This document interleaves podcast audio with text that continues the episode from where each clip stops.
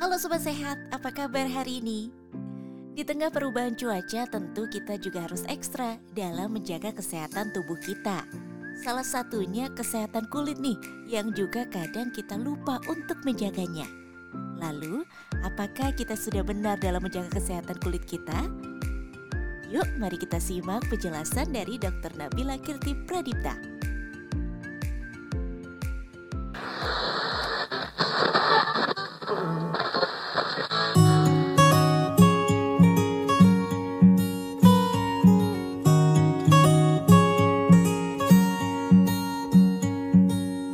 Sobat sehat, tentu peralihan cuaca ini berpengaruh pada kesehatan tubuh kita ya. Sobat sehat, mungkin di sekitar Anda ada rekan-rekan kerja atau mungkin keluarga yang barangkali sedang gak enak badan atau sobat sehat sendiri juga mengalami hal yang serupa nih, gak enak badan karena perubahan cuaca. Bagi sobat sehat yang lagi gak enak badan, lagi kurang sehat, eh, kami doakan semoga sobat sehat segera sehat dan bisa beraktivitas seperti biasa. Nah, sobat sehat ngomongin soal perubahan cuaca yang semakin ekstrim, nah berumama juga juga uh, di beberapa wilayah di Indonesia sobat sehat cuacanya sangat ekstrim panasnya luar biasa. Sampai nih sobat sehat di kota Jogja panasnya sampai 38 derajat Celcius. Panas sekali ya sobat sehat. Dan beberapa hari lalu juga hujan intensitas hujannya derasnya luar biasa. Dan perubahan cuaca ini tentu berpengaruh pada kesehatan tubuh kita. Nah kita akan bahas bagaimana pengaruh cuaca pada kesehatan tubuh kita terutama pada kesehatan kulit nih. Yang kadang kita lupa bahwa ternyata seberpengaruh itu sobat sehat. Dan selamat pagi apa kabar untuk para sobat sehat? Semoga uh, Anda semangat pagi hari ini karena kami akan mengajak Anda untuk melihat bagaimana pergantian cuaca dan kulit kita harus dijaga. Nah, kenapa harus dijaga pada saat momen pergantian cuaca? Kita akan berbincang dengan narasumber kami yang luar biasa. Tentu sobat saya sudah tidak asing lagi kalau mendengar suaranya. Sobat saya sudah hafal ada Dr. Nabila Kriti Pradipta Master of Medical Science, spesialis dermatologi, venerologi, dan estetika. Dan sudah hadir pada kesempatan pagi hari ini. Selamat pagi Dokter Nabila, apa kabar dok? Halo, selamat pagi Mbak Galuh dan sobat sehat semuanya. Lama tidak bersua sih ini sebenarnya ya. Ketemu lagi kita. Senang sekali dok, saya dan sobat sehat semuanya bisa menyapa dokter Nabila dan uh, terima kasih dok sudah berkenan untuk sharing dan berbagi kepada sobat sehat yang kadang kurang aware nih dok dengan kesehatan kulit banyak yang masih menganggap ini sederhana dok. Iya iya iya, paling cuman adu panas gitu aja ya. Mu ya keringetan gitu aja, tapi kalau kulitnya mungkin masih kadang inget kadang lupa gitu ya. Ya kalau sehat ini ya. Alhamdulillah saya bersama dengan tim Radio Indonesia Sehat, sehat selalu dan senang bisa eh, melihat senyum Dokter Nabila kembali dan selamat dok atas kelulusannya. Nah, terima kasih banyak.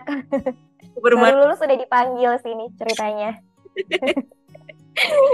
terima kasih banyak dok. Nah dok ini uh, pergantian cuaca nih dok kebetulan ini dokter Jogja atau di mana dok? Gimana? Dokter Nabila sedang di kota mana? Hmm ini uh, kebetulan lagi di luar kota sih, lagi di Jakarta. Kebetulan kalau ini lagi nggak panas sih, tapi mendung. Sudah mulai mendung di sana. Sudah ya? mulai mendung, karena biasanya kemarin-kemarin kan panas terus ya.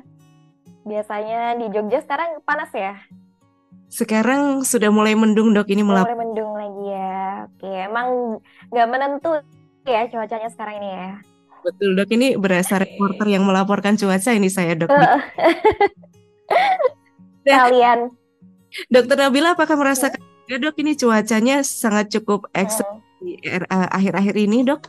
Iya merasakan banget sih apalagi uh, kemarin ya bulan-bulan kemarin itu bener-bener uh, kalau kita ngerasain suhunya tuh ekstrim banget panas banget jadi kayak di dalam rumah aja tuh kerasa gitu panasnya ya nggak pakai kipas angin nggak pakai AC tuh udah langsung gue rasanya gerah gitu dan uh, apalagi kalau keluar rumah kan jadi males ya karena panas banget gitu cuacanya terik gitu. Nah ini kan nggak biasa ya sebenarnya. Uh, cukup ekstrim sih perubahan cuacanya kemarin-kemarin ini. Dan alhamdulillah kemarin-kemarin sudah sempat hujan ya dia sempat mendung. Cuma tetap aja ya ini kayak agak galau gitu loh cuacanya. Jadinya bikin kulit kita jadi kayak aduh galau juga ini gimana ya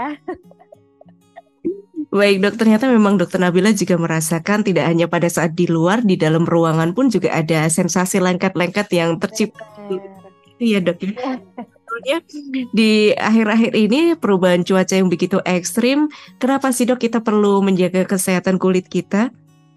Ya benar banget. Jadi uh, kalau misalnya cuaca ekstrim itu sebenarnya uh, kulit ini sangat berpengaruh banget ya uh, terhadap perubahan-perubahan iklim, perubahan cuaca, perubahan suhu itu sangat mempengaruhi kondisi kesehatan kulit kita. Jadi uh, sangat penting kita buat uh, menjaga kesehatan kulit kita, terutama sebenarnya nggak uh, nggak terutama saat perubahan cuaca ya, tapi karena ini perubahan cuaca lagi ekstrim itu kita jadi harus lebih aware lagi terhadap kondisi kesehatan kulit kita karena kalau misalnya udah ada perubahan cuaca ini akan menyebabkan uh, Uh, jadi kalau di kulit itu kita punya sistem pertahanan kulit kan.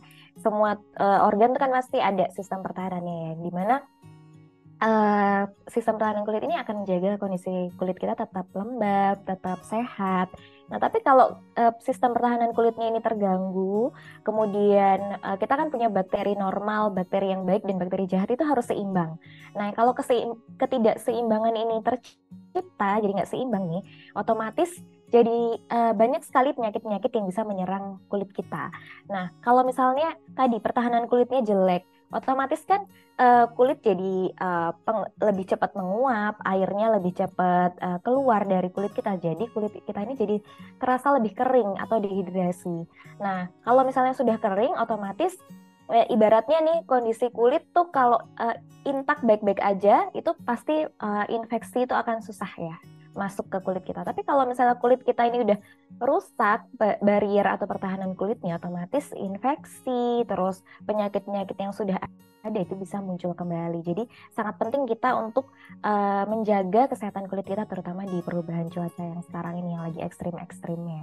Hmm, baik dok, terima kasih banyak. Jadi memang ngaruhnya uh, di bakterinya ya dok ya. Ketika bakteri tersebut tidak seimbang, pertahan pertahanan uh, kulitnya kurang baik jadi mudah terserang penyakit-penyakit tertentu. Nah, kemarin kita mengalami uh, panas yang luar biasa. Terus sekarang baru mau memasuki musim penghujan. Nah, Dok, biasanya masalah-masalah kulit apa sih, Dok, yang biasanya muncul dan kadang sobat sehat belum aware nih pada saat panas itu apa, pada saat mendung ataupun hujan itu biasanya apakah itu berbeda, Dok?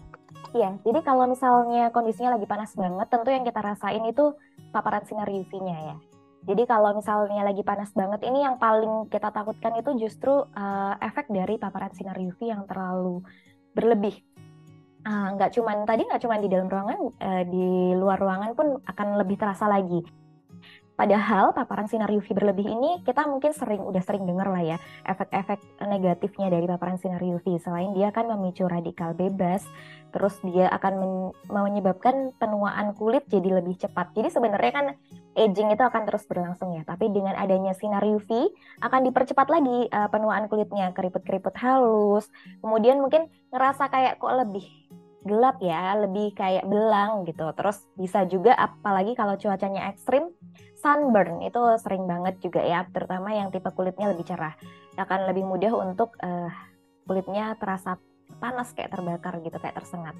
Nah, selain itu, uh, kalau misalnya ini ekstrim terus-menerus nih, kita tidak memproteksi diri kita, kronik jangka panjang mungkin bisa bertahun-tahun atau puluhan tahun, itu bisa juga menyebabkan kanker kulit yang ini yang paling efek paling buruk yang uh, jangka panjangnya gitu. Kalau tadi kan jangan jangka pendeknya.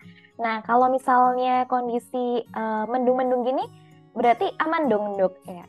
Belum tentu juga. Jadi apa pun yang berlebihan pasti akan ada efeknya ya.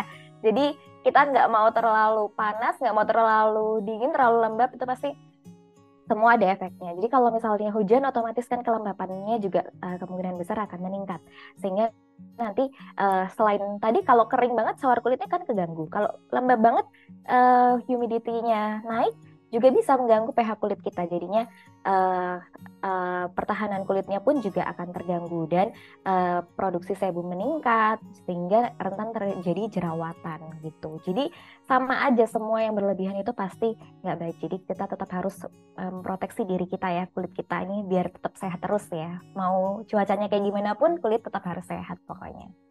Baik dok, terima kasih. Wah ternyata nih Sobat Sehat perlu waspada selalu nih. Dari mulai yang panas juga ada beberapa masalah kulit yang uh, menanti kalau kita nggak menjaga kulit kita nih Sobat Sehat. Mendung pun yang dirasa kok kayaknya mendung itu biasa ini dok. Biasanya kalau orang ngelihat cuaca mendung kok kayaknya cuacanya enak syahdu gitu ya. Ternyata yeah ternyata tidak selalu baik. gitu ya. Apalagi kalau hujan itu kan kelembapannya ya. dari yang mendung ya dok ya ternyata itu bisa. Ya. Tapi salah satu juga kemunculan jerawat-jerawat tersebut ya dok ya. Nah, sobat sehat nih silahkan yang mau bertanya kami buka pertanyaannya di 0812 3239 7300 yang di YouTube boleh komen-komen yang di uh, Zoom juga boleh silahkan. Dokter terima kasih banyak atas penjelasannya. Nah, untuk um, apa namanya uh, panas maupun hujan itu kan perbedaan cuacanya jelas. Nah, kadang kita kurang tahu nih kulit kita itu sedang bermasalah atau tidak.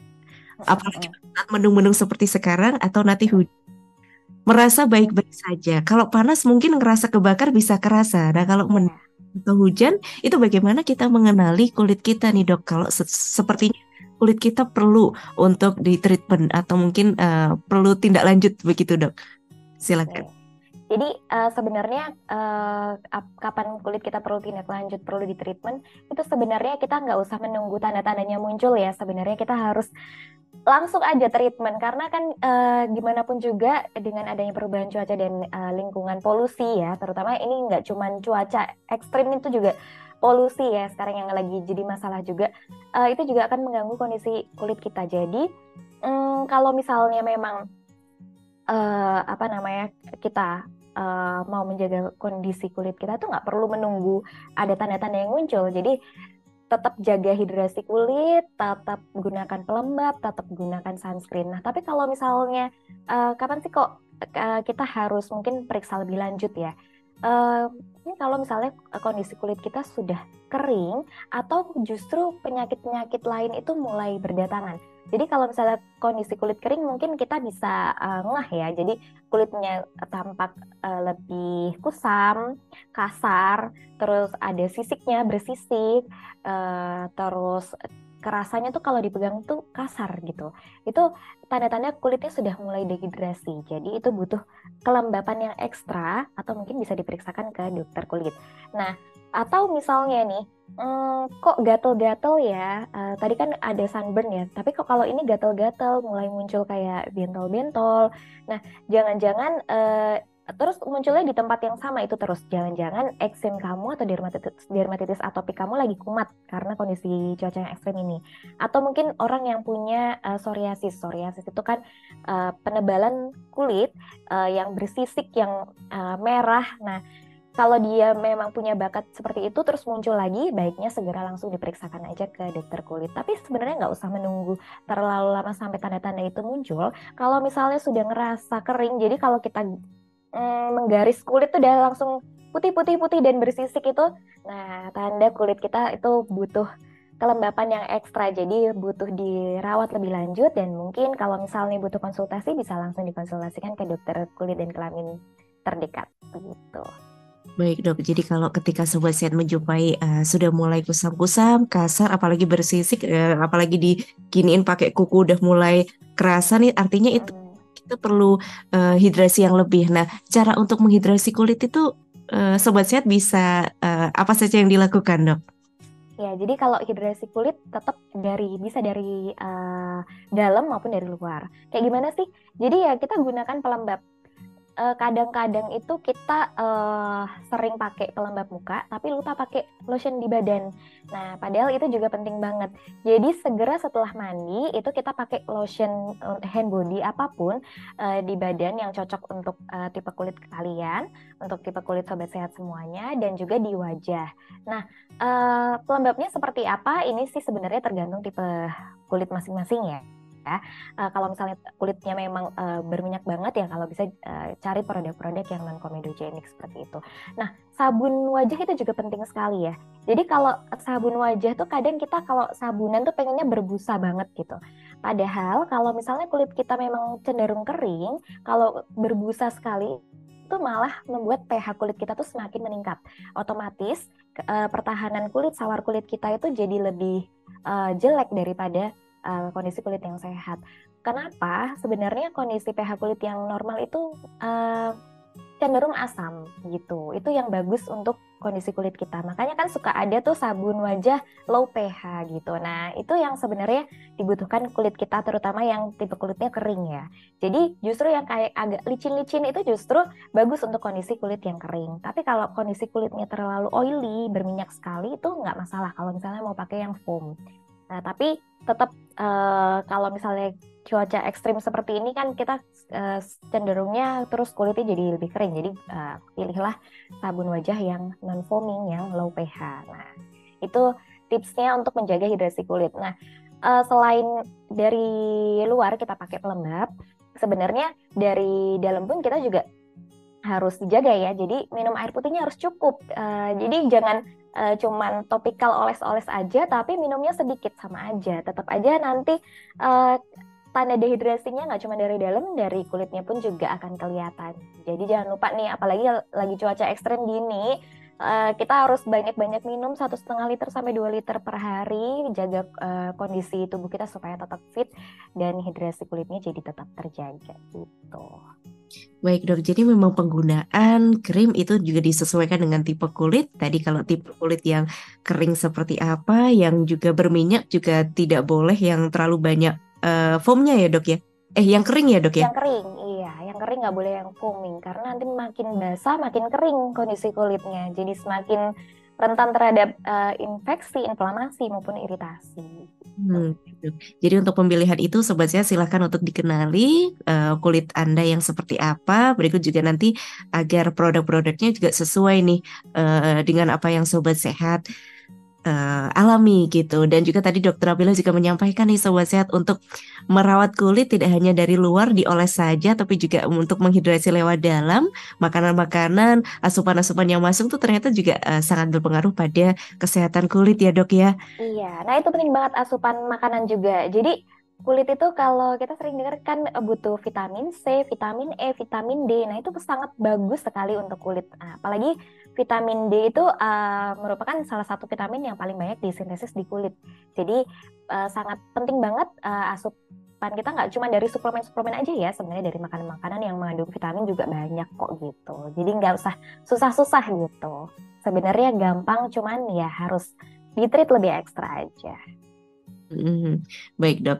Nah ini juga menyambung ada pertanyaan yang masuk nih sobat dari Ibu Kus Rohmaniah katanya merasa kulitnya kering cenderung kering pada saat cuacanya justru pada saat dingin bukan panas. Itu kenapa kira-kira? Monggo dok. Ini ya, ya, ya. tadi juga. Iya, uh, selamat pagi nih uh, salah satu sobat sehat. Jadi ya memang uh, justru uh, pada saat cuaca dingin itu memang kondisi kulitnya uh, jadi lebih kering. Jadi kalau kita ke luar negeri yang ada empat musim, itu justru kan uh, dia kelembapannya akan lebih rendah. Nah, pada saat uh, cuaca dingin kelembapannya rendah, kulit kita jadi lebih kering, jadi lebih butuh pelembab yang ekstra memang. Jadi makanya sebenarnya penyakit-penyakit kulit itu uh, paling sering muncul itu kalau misalnya kondisi yang ekstrim dingin. Tapi tidak menutup kemungkinan kalau ekstrim panas juga muncul ya. Nah, jadi uh, kalau misalnya tadi pertanyaannya selain uh, cuaca dingin, kenapa bisa menyebabkan itu udah ya. Selain satu lagi apa ya tadi? Kira-kira kenapa dok ketika uh, apa namanya hmm. kenapa kok dingin uh, ya itu tadi karena kelembapannya itu yang kurang. Jadi dia biasanya uh, kalau kita kalau di sini kan kayak pliket-pliket uh, lembab banget gitu ya. Nah kalau di sana cuacanya terlalu dingin itu kelembapannya justru kadang uh, lebih rendah. Jadi uh, terjadilah gangguan di sawar kulit kita. pH-nya juga jadi tidak seimbang jadinya uh, kondisi kulitnya jadi lebih kering dan uh, penguapan airnya itu jadi lebih cepat. Jadi kan kita sebenarnya punya kadar air ya di dalam kulit kita yang dijaga. Jadi kalau misalnya gedung itu kan punya batu bata sama semen untuk menjaga gedung itu tetap kokoh. Nah, kulit kita itu juga punya istilah semen sama batu bata yang akan mempertahankan uh, integritas dari kulit kita. Nah, kalau semen sama batu batanya juga nggak kokoh, sama aja. Jadinya dari luar bisa masuk, dari dalam jadi cepat keluar. Nah, air yang ada di dalam kulit kita itu akan jadi lebih cepat untuk menguap, sehingga kulit kita jadi lebih terasa kering gitu. Nah, makanya adanya pH yang bagus, kemudian pertahanan kulitnya tadi bagus karena uh, kondisi kulitnya lembab, itu akan menjaga si semen dan batu batanya itu agar tetap kokoh. Jadinya sawar kulitnya tetap terjaga gitu. Oke dok, terima kasih. Semoga menjawab pertanyaan dari Ibu Kusromania. Nah, apalagi nih dok pada saat uh, musim-musim penghujan seperti ini, rasa-rasa haus itu tidak terlalu terasa ya dok ya? Iya, iya benar. Kayak jadinya jadi males minum ya Mbak Galuh ya. Betul. Memang harus diperhatikan sekali dok ya, apalagi di mendung-mendung uh, menuju musim penghujan. Sobat sehat tadi pesan dari dokter Nabila menghidrasi kulit dari mulai minum juga tetap harus dicukupi sobat sehat. Jangan nunggu haus dulu untuk minum. Dan juga dok, uh, apalagi di uh, masa-masa mendung seperti ini, mungkin pada saat panas kemarin nih Sobat Sehat udah belanja banyak sunscreen nih Sobat Sehat kayaknya ya, dari mulai SPF 30 sampai dengan SPF 50. Nah apakah pada saat mendung sekarang nih, kita masih perlu menggunakan dok? Sedangkan kita kadang seharian nih di Jogja yang mungkin hari kemarin matahari tidak terlalu tampak dok. Oke, jadi uh, kadang-kadang kita tuh uh, ngelihat perlu enggaknya pakai sunscreen itu dari terang apa enggak ya uh, ini ya langitnya kelihatan apa enggak ya uh, paparan sinar mataharinya padahal sinar matahari itu kan sebenarnya ya nggak bisa di uh, kasat mata kita bisa uh, lihat ya UV indeksnya. Nah, jadi uh, yang perlu kita waspadai itu kan adalah UV index yang terlalu tinggi karena paparan sinar UV-nya terlalu tinggi. Nah, kalau mendung apakah kita tetap perlu pakai sunscreen? Tentu perlu, perlu banget malah. Jadi karena kita uh, udah banyak sih ini studi-studinya bahwa di kondisi kulit yang mendung bahkan uh, tidak tampak sangat terang itu sinar UV tetap ada dan tetap menembus. Bahkan kan kita tahu ya kalau misalnya di dalam ruangan kan enggak kok nggak panas, tapi banyak kaca, banyak jendela. Ya sama aja karena sinar UV itu tetap bisa menembus kaca dan jendela rumah kita. Jadi di dalam ruangan pun nggak ada salahnya kita juga tetap menggunakan sunscreen. Jadi kondisi mau panas, mendung itu kita tetap menggunakan sunscreen.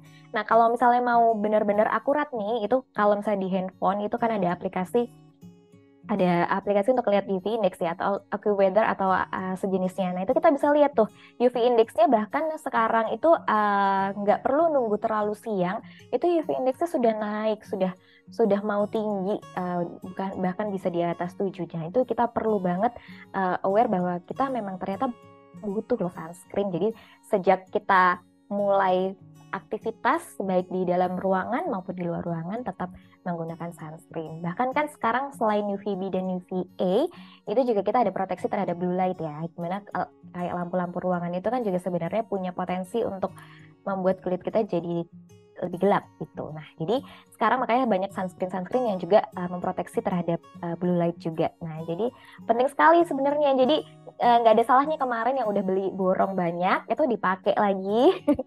Jangan buru-buru dibagi-bagiin. Mungkin diri kita sebenarnya juga masih butuh gitu.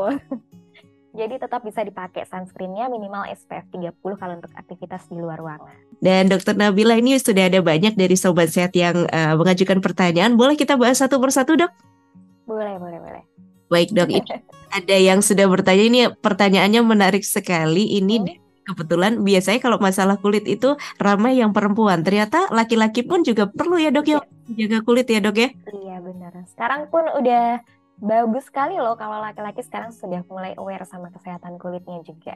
Nah, ini juga termasuk juga ini Pak Ari Prihandoko ini bagus banget untuk bisa mulai aware gitu juga nggak apa-apa ya dok. Ini ada bagaimana uh, menjaga kulit dengan aktivitas laki-laki yang cukup lebih banyak aktivitas outdoornya, J. Terima kasih, Dok. Moga, Dok. Iya. Uh, untuk sobat sehat ya ini untuk Pak Ari ya. Jadi memang untuk aktivitas outdoor tadi sebenarnya sama sih perempuan dan laki-laki itu tetap menggunakan pelembab, jaga hidrasi kulit baik dari dalam maupun luar tadi. Terus juga selalu menggunakan sunscreen. Apalagi tadi banyak pekerjaan outdoornya ya. Uh, mau cuacanya mau ekstrim mau enggak tetap kita uh, awarenya ke situ. Jadi tetap gunakan sunscreen dan uh, gunakan sunscreen itu nggak cuman sehari satu kali ya. Jadi kalau bisa itu reapply kita ulangi lagi setiap 2 sampai 3 jam. Jadi untuk proteksinya supaya lebih maksimal gitu. Jadi kan ya sebenarnya kan proteksi sunscreen itu bukan 24 jam ya. Jadi tetap kita reapply lagi sunscreennya supaya tetap uh, menjaga kulit kita dari paparan sinar UV. Apalagi tadi aktivitasnya Pak Ari ya ini mungkin aktivitasnya outdoor dan juga sobat sehat semuanya yang aktivitasnya outdoor tetap jangan lupa reapply sunscreen. Itu yang paling males dan suka kelupaan sebenarnya. Dua sampai tiga jam. Cukup sering ya dok ya. Berarti kalau misalnya kerja iya. sampai sore pagi terus nanti menjelang uh, siang sore juga ya dok ya? Iya benar. Meskipun benar, memang. sudah mau pulang kerja juga tetap pakai dok? Iya, kalau bisa sih tetap ya. Walaupun sebenarnya kalau misalnya sekarang UV index itu kalau misalnya di daerah Yogyakarta sekitar di atas jam uh, mungkin jam 4 jam 5 ya.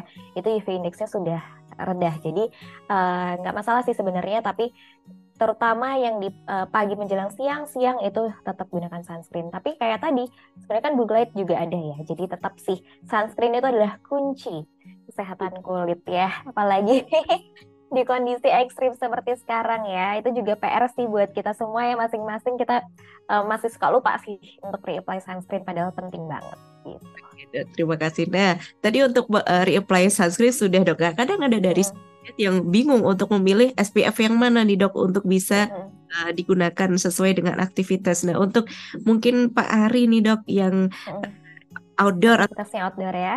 Saya tuh ya. mana dok? Jadi kalau misalnya memang aktivitasnya uh, lebih sering di luar ruangan atau outdoor itu baiknya minimal SPF 30. Jadi uh, sebenarnya SPF 30 aja sih sudah cukup, tapi kalau mau lebih pun juga nggak masalah, nggak dilarang juga. Tapi kalau bisa jangan kurang dari SPF 30. Nah itu sudah cocok untuk Pak Ari bisa uh, memulai dengan rangkaian uh, uh, sunscreen seperti itu. Tapi jangan lupa tetap reapply.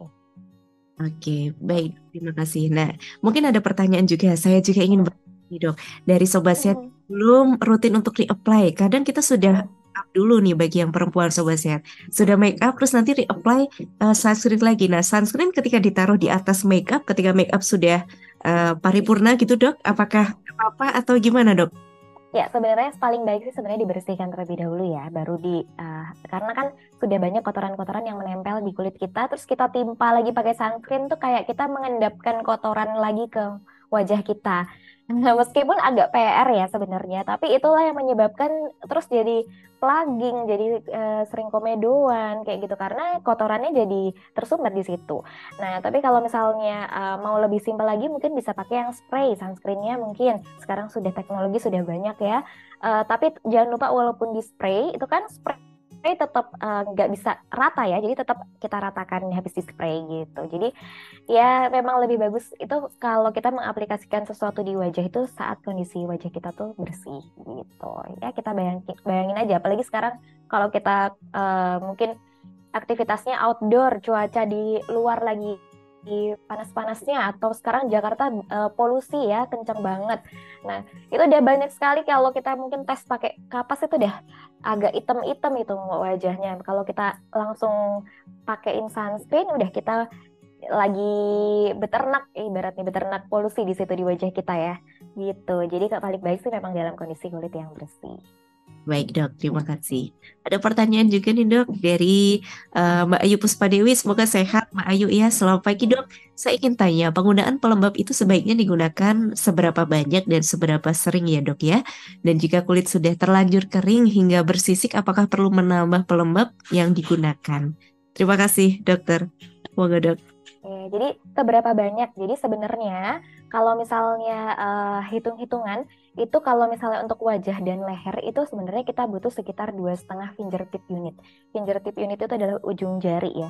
Uh, jadi kalau misalnya kita mau pakai di wajah sampai leher itu dua setengah aja sebenarnya sudah cukup.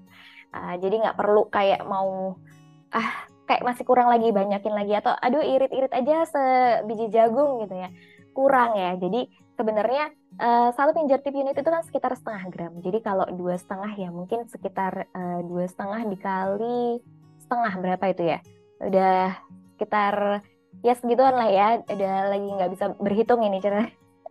Jadi uh, kalau misalnya daripada kita ngitung-ngitungin gramnya, uh, agak pusing-pusing ya kita harus pakai takeran jadi kita bisa pakai fingertip unit. Jadi sekitar dua setengah itu sudah cukup untuk area wajah sama leher. Jadi kalau misalnya uh, pakai sunscreen aku tapi pakai kerudung jadi lehernya nggak mau aku pakaiin ya. Boleh pakai wajah aja sekitar dua juga sudah cukup gitu kalau untuk seberapa banyaknya. Nah kalau misalnya untuk seberapa sering sebenarnya hmm, 2 sampai tiga kali sehari pun itu sudah cukup.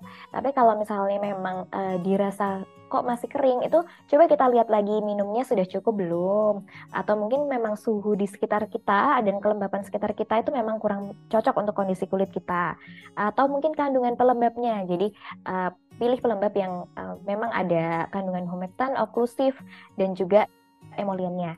Atau misalnya kita bisa cari-cari ingredients yang ada ceramide-nya, ada ureanya, ada gliserinnya. Itu uh, cukup bagus untuk kondisi-kondisi kulit yang kering. Nah, sekarang kan kita udah pinter-pinter bisa milih-milih sendiri ya ingredient sunscreen dan uh, dan pelembab. Kita juga bisa uh, lihat-lihat sendiri uh, seperti apa. Nah, itu bisa kita sesuaikan dengan uh, kondisi kulit kita dan kita bisa lihat-lihat juga mana yang cocok. Karena kan over the counter tetap aja ya nggak uh, bisa satu orang itu cocok terus uh, semua orang berarti harus cocok dan bisa cocok pakai uh, over the counter itu karena kita masing-masing punya tipe kulit dan punya sensitivitas kulit yang berbeda setiap orangnya gitu. Ya dok, jadi tidak, tidak langsung menambah tapi dicermati dulu kira-kira apa yang bermasalah. Siapa tahu minumnya tadi kurang atau mungkin hmm kelembapan udara di sekitar juga uh, kurang baik, jadi memang mempengaruhi uh, kulitnya jadi semakin kering. Nah ini juga uh, ada hal yang sering dialami oleh para sobat sehat, termasuk juga saya juga dok. Ini kalau misalkan uh, di yang ditanyakan oleh Mbak Mirna Rahayu, pagi dok, pada saat panas-panasnya saya sering berada di dalam ruangan ber-AC, tapi kulit saya tetap kering ber, kering kerontang dok. Apakah ter AC ini juga membuat kulit kulit menjadi kering ya dok ya, matur nuwun? Ya, karena memang uh, kayak seperti yang tadi udah dijelaskan ya, AC kondisi yang terlalu dingin itu dia uh, humidity atau kelembapan di sekitarnya itu uh, otomatis cenderung berkurang. Dia akan mengurangi kelembapan udara sekitar. Nah, otomatis itu akan mempengaruhi sawar kulit kita. Karena kita nggak boleh yang lembab banget, mungkin tadi bisa memicu jerawat dan sebagainya. Tapi kalau uh, kelembapannya juga kurang banget, itu juga akan mengganggu sawar kulit kita. Jadi uh, lebih kering, jadi lebih evaporate uh, ininya uh, air di dalam kulit kita jadi lebih cepat menguap, kondisi kulitnya jadi lebih uh, terasa kering dan merupakan tanda-tanda dehidrasi tadi ya. Jadi keseringan di bawah ruang ber-AC, di bawah AC itu memang uh, sangat berpengaruh terhadap kondisi kulit kita yang jadi semakin kering. Mungkin kalau kita lihat itu kondisi kulitnya jadi kayak tua gitu loh. Karena garis-garis kulitnya jadi lebih kelihatan, terus mungkin sisik-sisiknya jadi lebih jelas, uh, flaky gitu ya kalau dipegang juga agak kasar kasar gitu. Nah, mungkin solusinya kalau misalnya di badan kita bisa pakai uh, lotion atau hand cream sering-sering ya di dalam ruangan atau misalnya kalau untuk wajah kita juga bisa semprot-semprot uh, hydrating gitu ya sekarang sudah banyak atau misalnya kita uh, bisa gunakan pelembab yang cocok dan juga tadi bisa diulang uh, lagi pelembabnya gitu. Jadi ya memang ada res semua tuh ada resikonya jadi kita tetap uh, harus aware sama kondisi kulit kita masing-masing gitu. Terima kasih dok sudah diingatkan sobat sehat nih yang dari pagi sampai sorenya di ruangan yang ber AC mungkin juga harus bawa lotion sekaligus juga sunscreen ke mana pun ya dok ya. Iya iya iya benar-benar terjaga. Nah, itu yang dari dioles atau mungkin ada dari sobat sehat yang bertanya juga dok untuk menjaga dari dalam tadi ada uh, apa air yang harus masuk, ada beberapa vitamin-vitamin yang harus masuk. Nah, pasien bisa menjumpai di makanan-makanan apa saja sih dok untuk bisa membuat um, kulit kita lebih sehat gitu dok? Sebenarnya banyak banget ya makanan itu. Semua makanan itu makanan yang bergizi ya. Ini bukan yang food ya. Semua makanan bergizi itu kan pasti ada kandungan vitaminnya. Kita um, bisa cari sendiri nih sebenarnya uh, kulit itu yang paling uh, paling berpengaruh terhadap uh, apa namanya tadi yang semen dan batu bata yang tadi udah dijelasin untuk um, untuk memperbaiki sawar kulit atau barrier kulit kita itu adalah vitamin D. Jadi dia ini akan uh, menjaga integritas kulit kita. Jadi kalau makan makanan yang mengandung vitamin D itu udah uh, bagus sekali. Uh, mungkin kalau misalnya uh, uh, pada orang-orang yang eksim yang uh, dermatitis atopik itu biasanya uh, kalau dicek di darah uh, vitamin D-nya itu lebih rendah daripada orang normal. Makanya uh, kulitnya itu lebih cepat kering dan lebih cepat uh, kerasa gatal-gatal dibandingkan uh, orang yang tanpa eksten nggak punya dermatitis atopik. Nah, uh, solusinya adalah kalau memang kadar vitamin D rendah itu sebenarnya bisa ditambah dengan suplemen. Nah, karena mungkin dari asupan makanannya masih kurang. Itu kan karena kondisi memang dia punya underlying disease ya punya uh, penyakit tertentu. Nah uh, bisa ditambahkan uh, suplemen-suplemen vitamin D. Mungkin waktu pas zaman COVID itu kita um, makan banyak ya beli-beli vitamin D. Nah itu bisa sebenarnya buat sekarang juga nggak cuma pas COVID aja. Nah tapi tetap dibarengin sama makanan. Makanan itu bisa dari yang baik yang hewani maupun yang non hewani. Jadi uh, kayak mungkin kalau ikan salmon gitu juga bisa ya. Dan selain itu Eh, nggak uh, cuma vitamin D sebenarnya vitamin itu juga kan uh, kalau kita lihat vitamin-vitamin suplemen tuh ada vitamin E nourishing the skin gitu, gitu. itu juga benar jadi nggak cuma vitamin D aja vitamin E vitamin C itu semua baik jadi um, kalau misalnya kita mau uh, pilih makanan sayur-sayuran hijau yang hijau-hijau warnanya itu juga kandungan vitamin C-nya juga banyak. Jadi bisa banget kita eh, nggak uh, cuma dari suplemen, dari makanan sehari-hari itu juga sudah cukup. Tapi kalau misalnya memang dirasa kurang dan tadi ada memang aku memang ada bakat uh, gatal-gatal, bakat eksim, itu bisa dibarengin dengan suplemen. Tapi jangan lupa dicek kadar vitamin D darahnya ya. Kalau misalnya sudah cukup, ya sudah dari makanan aja sudah bisa. Asupan hariannya sudah bisa terpenuhi gitu. Hmm, baik dok, ada suplemen, ada makanan-makanan harus masuk nih sobat sehat. Ternyata hmm juga perlu juga ya dok ya. Tadi dokter juga banyak faktor ternyata untuk kesehatan kulit kita sobat sehat. Nah dan juga tergantung kondisi uh, kesehatan atau tipe kulitnya. Nah ini juga ada satu sobat sehat nih dok yang ternyata juga kulitnya uh, mungkin sensitif ini dari selamat pagi izin bertanya dokter dari Mbak Rianti. Semoga sehat Mbak Rianti hari ini. Kalau untuk kulit sensitif kalau aktivitas di luar selain pakai sunblock apa ya? Karena kalau pakai sunblock jadi bikin tambah jerawat. Terima kasih Monggo dokter. Iya, jadi selain pakai sunblock tentu saja pelembab ya. Tapi karena kulitnya sensitif, tentu saja pelembabnya disesuaikan. Jadi kalau bisa yang non perfume, uh, yang tidak mengandung LSL, jadi, uh, jadi uh, kita lihat aja kandungan-kandungan di uh, apa namanya produk atau ingredients dari pelembab. Sekarang pun sudah banyak ya klaim-klaim yang for sens sensitive skin gitu. Jadi kita nggak usah repot-repot harus uh, cariin satu-satu ingredientsnya gitu juga kita sudah bisa sudah banyak uh, pokoknya kalau yang nggak pakai parfum itu kemungkinan uh, uh, untuk kemampuan dia untuk mengiritasi atau membuat alergi itu lebih kecil dibandingkan yang wangi-wangi gitu. Nah kalau misalnya sunblocknya tadi kalau kalau pakai sunblock kok malah tambah jerawatan, nah ini perlu dilihat jenis sunblocknya apa nih. Jangan-jangan ada kandungan-kandungan dari sunblocknya itu yang bikin dia uh, prone untuk jerawat. Jadi kalau misalnya untuk jerawatan sebenarnya akan lebih bagus lagi pakai yang physical atau mineral sunscreen seperti yang mengandung zinc oxide dan titanium dioxide. Nah, uh, karena sekarang kan sudah banyak ya mm, physical chemical sebenarnya bebas nih kita mau pakai yang mana aja itu semua sama bagusnya cuman beda mekanismenya aja kalau physical dia secara fisik aja dia uh, memantulkan kalau chemical dia di diserap. Nah, tapi kalau misalnya memang sudah bakat kulitnya sensitif atau prone jerawat ya uh, lebih baik pilih kandungan yang uh, mineral sunscreen gitu. Dan tadi uh, jangan cari sunscreen yang uh, aku mau cari yang baunya wangi ya. Kalau bisa jangan karena itu biasanya ada kandungan-kandungan yang bikin kita sensitif dan alergi terhadap wangi-wangian itu gitu. Itu wangi-wangian tuh ngaruh juga ya dok ya untuk Iya, itu nggak cuma di wajah ya, tapi di badan pun kalau memang udah kulitnya bener-bener rewel ya, ibaratnya yang sensitif banget nih kulit mahal ya, itu emang uh, kalau udah yang ber, berkaitan sama wewangian itu biasanya sensitif. Kalau di tes alergi biasanya positif jadi uh, perlu diwaspadai lah kita uh, kenali sendiri dulu lah kulit kita masing-masing gitu. Jangan kita cuma ikut-ikutan aja gitu. Apalagi ikut-ikutan promo ya dok ya? Iya bener. Kemarin habis sebelas sebelas ya. Jangan-jangan udah ikut-ikutan promo apa lagi nih banyak sekali nih mungkin ya. Bentar lagi dua belas dua belas dua belas dua belas kita ikutin kulit masing-masing aja ya, nggak usah ngikutin kulitnya orang lain. Dan juga tadi pesan dokter Nabila di Sobat Z harus dicermati dulu ingredientsnya dan jangan ragu untuk menanyakan kepada dokter mana bahan-bahan yang kira-kira uh, tidak bisa gitu, tidak bisa digunakan oleh kulit kita yang tipe-tipenya mungkin tipe-tipe yang sensitif gitu ya dok ya.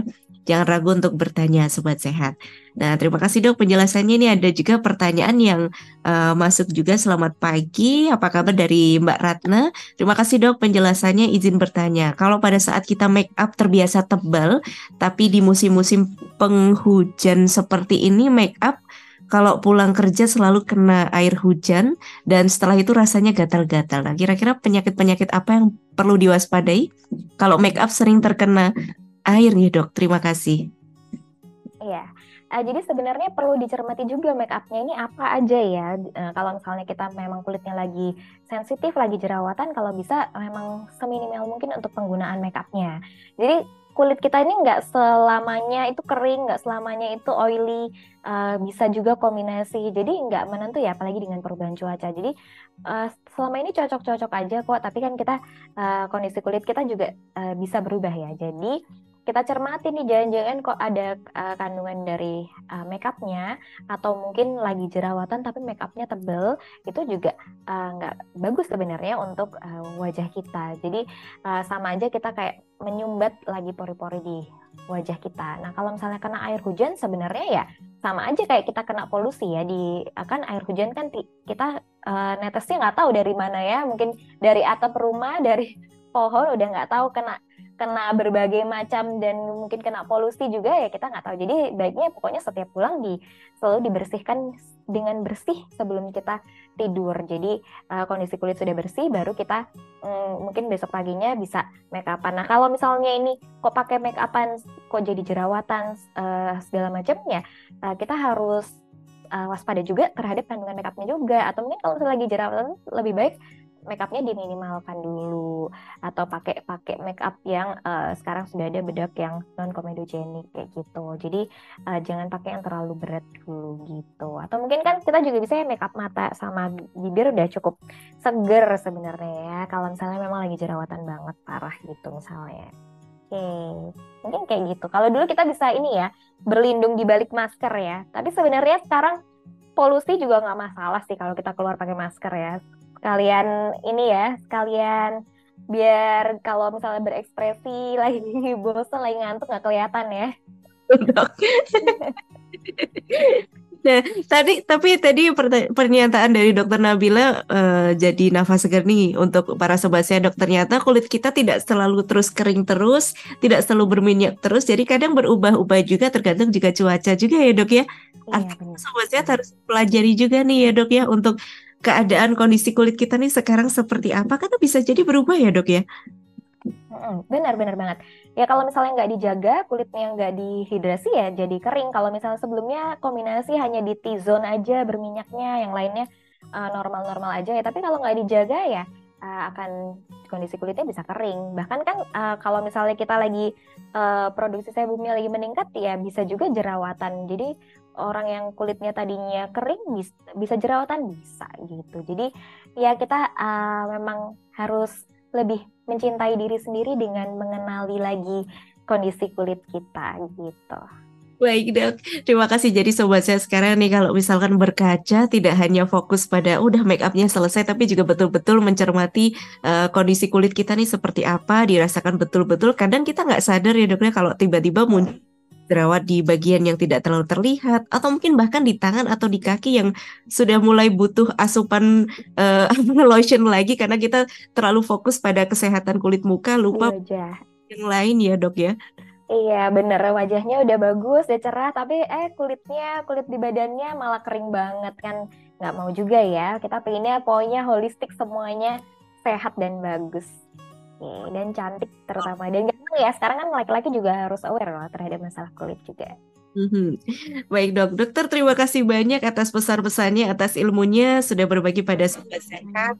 Kita jadi lebih aware untuk menjaga kesehatan kulit kita, terutama di cuaca-cuaca yang berubah, di cuaca yang ekstrim ini. Semoga para sobat sehat bisa terus menjaga kulit kita menghidrasi dengan baik dari dalam maupun dari luar. Mungkin dari dokter Nabila ada pesan-pesan untuk sobat sehat yang menyimak Beauty Insight di pagi hari ini. Silakan dok.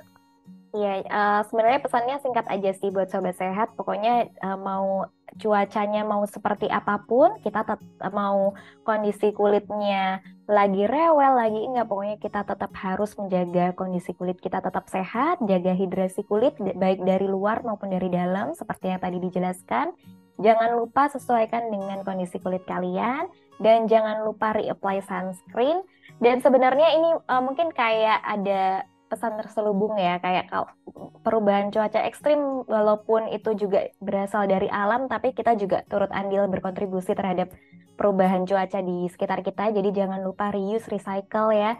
Uh, jangan lupa dikurangi yang nggak perlu-perlu sama plastiknya. Dan juga uh, kalau misalnya bisa didaur ulang kita daur pakai bahan-bahan yang didaur ulang supaya kita mengurangi global warming dan uh, kondisi kulit kita juga otomatis kan akan juga tetap sehat ya terjaga kalau misalnya kondisi lingkungan kita juga bagus. Jadi itu aja sih mungkin. Jadi dari sobat sehat jangan lupa tadi pesan-pesannya. Tadi aku ralat eh, sedikit ya Mbak Galuh tadi kok aku salah ngomong tadi yang uh, kandungan san, eh, apa tadi kandungan pelembab yang untuk kulit sensitif ya. Jadi tadi yang non perfume dan juga yang uh, minim kandungan uh, SLS-nya sodium lauryl sulfat. Jadi nanti bisa dilihat sendiri lagi ya ingredientsnya gitu. Mungkin segitu sih dari aku Mbak Galuh mungkin pesan-pesan buat kita sendiri juga ya untuk tadi reapply sunscreen itu sangat penting banget dan suka kelupaan jadi jangan lupa